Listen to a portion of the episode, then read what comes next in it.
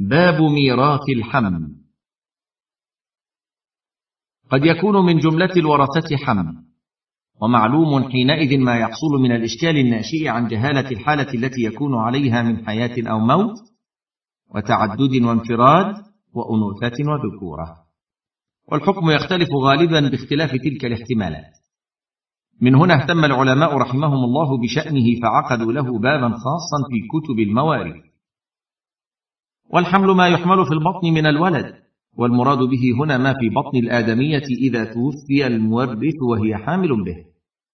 وكان يرث أو يحجب بكل تقدير أو يرث أو يحجب في بعض التقادير إذا انفصل حيا والحمل الذي يرث بالإجماع هو الذي يتحقق فيه شرطان.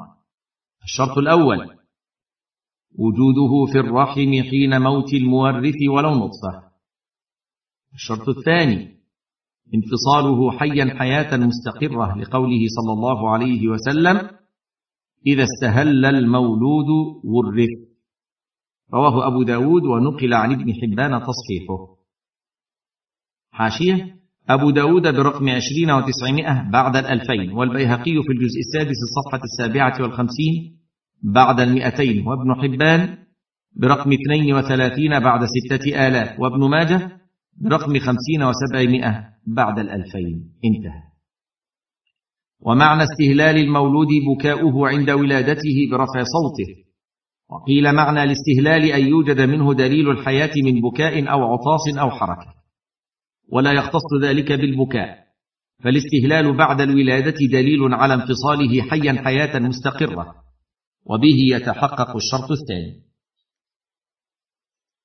الصفحة الرابعة والستون والثلاثمائه أما الشرط الأول وهو وجوده في الرحم حين موت المورث فيستدل على تحققه بأن تلده في المدة المحددة للحمل ولها أقل ولها أكثر بحسب الأحوال.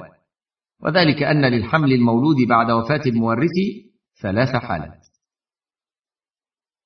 الحالة الأولى أن تلده حيا قبل مضي زمن أقل مدة الحمل من موت المورث ففي هذه الحالة يرث مطلقا.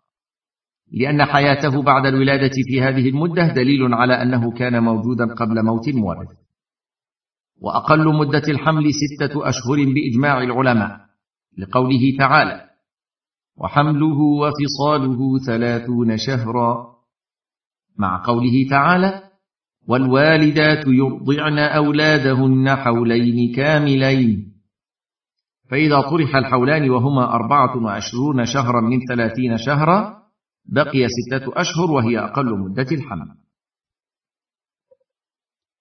الحالة الثانية أن تلده بعد مضي زمن أكثر مدة الحمل من موت المورث ففي هذه الحالة لا يرث. لأن ولادته بعد هذه المدة تدل على حدوثه بعد موت المورث. وقد اختلف العلماء في تحديد أكثر مدة الحمل على ثلاثة أقوال. الأول إن أكثر مدة الحمل سنتان لقول أم المؤمنين عائشة رضي الله عنها لا يبقى الولد في بطن أمه أكثر من سنتين.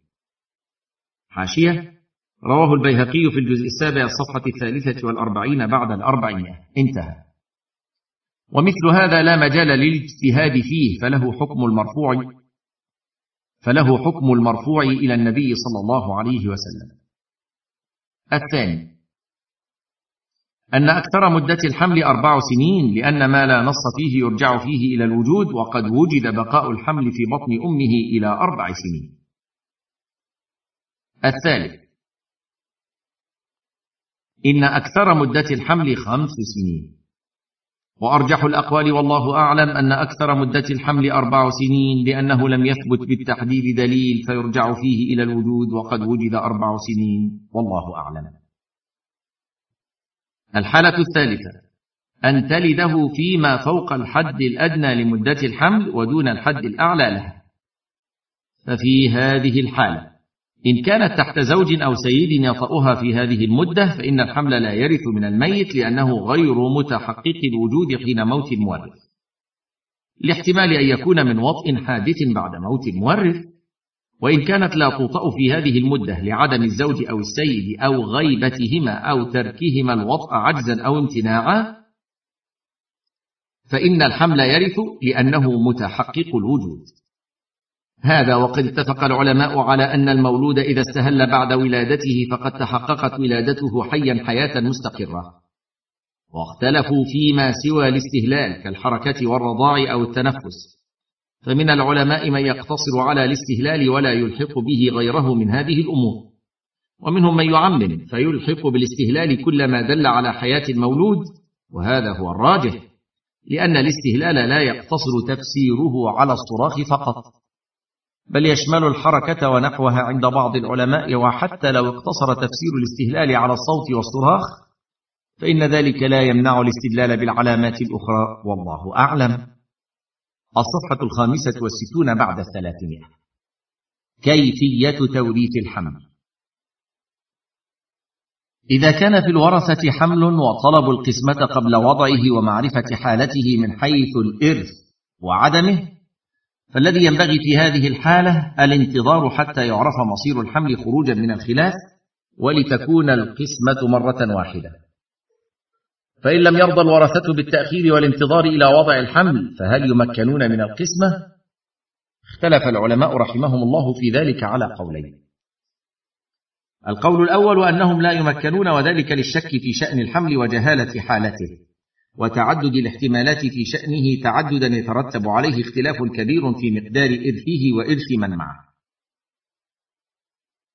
القول الثاني إن الورثة يمكنون من طلبهم ولا يجبرون على الانتظار لأن فيه إضرارا بهم إذ ربما يكونون أو يكون بعضهم فقراء ومدة الحمل قد تطول والحمل يحتاط له فيوقف له ما يضمن سلامة نصيبه فلا داعي للتأخير.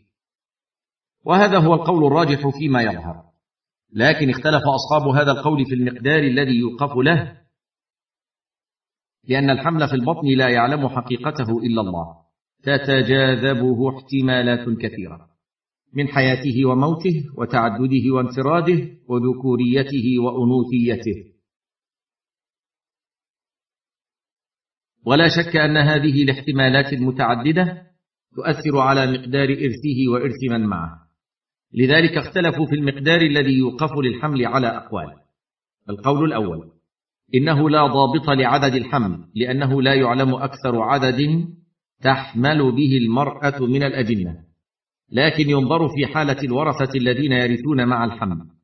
فمن يرث في بعض التقادير دون بعض أو كان نصيبه غير مقدر كالعاصب فهذا لا يعطى شيئا. ومن يرث في جميع التقادير متفاضلة فإنه يعطى الأنقص.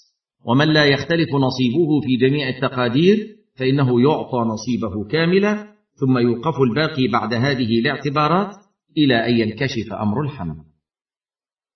والقول الثاني إنه يعامل الحمل بالأحظ ويعامل الورثة معه بالأضر فيوقف للحمل الأكثر من ميراث ذكرين أو أنثيين ويعطى الوارث معه اليقين من نصيبه. فإذا ولد الحمل وتبين أمره أخذ من الموقوف ما يستحقه ورد الباقي. إن كان أكثر من نصيبه أو أخذه كاملا إن كان قدر نصيبه وإن كان أنقص من نصيبه رجع على الورثة بما نقص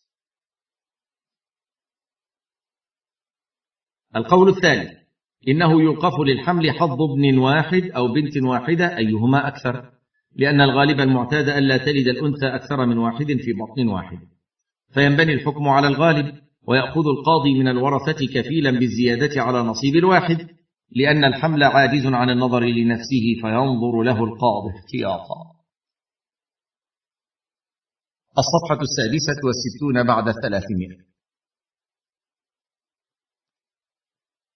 والراجح من هذه الأقوال ما كان فيه الاحتياط أكثر وهو القول الثاني.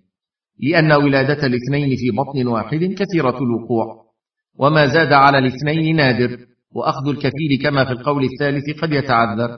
وحتى لو وجد الكفيل فقد يعتريه ما يعتريه فيعجز عن التحمل فيضيع حق الحمل إذا تبين أكثر من واحد. فعلى القول المرجح يجعل للحمل ستة تقادير لأنه إما أن ينفصل حيا حياة مستقرة وإما أن ينفصل ميتا وإذا انفصل حيا حياة مستقرة فإما أن يكون ذكرا فقط أو أنثى فقط أو ذكرا وأنثى أو ذكرين أو أنثيين فهذه ستة مقادير. يجعل لكل تقدير مسألة وتجرى عليها العملية الحسابية وينظر في أحوال الورثة. فمن كان يرث في جميع المسائل متساويا أعطيته نصيبه كاملا. ومن كان يرث فيها متفاضلا أعطيته الأنقص. ومن كان يرث في بعضها دون بعض لم تعطه شيئا. ويوقف الباقي إلى أن يتضح حال الحمل كما سبق. والله أعلم.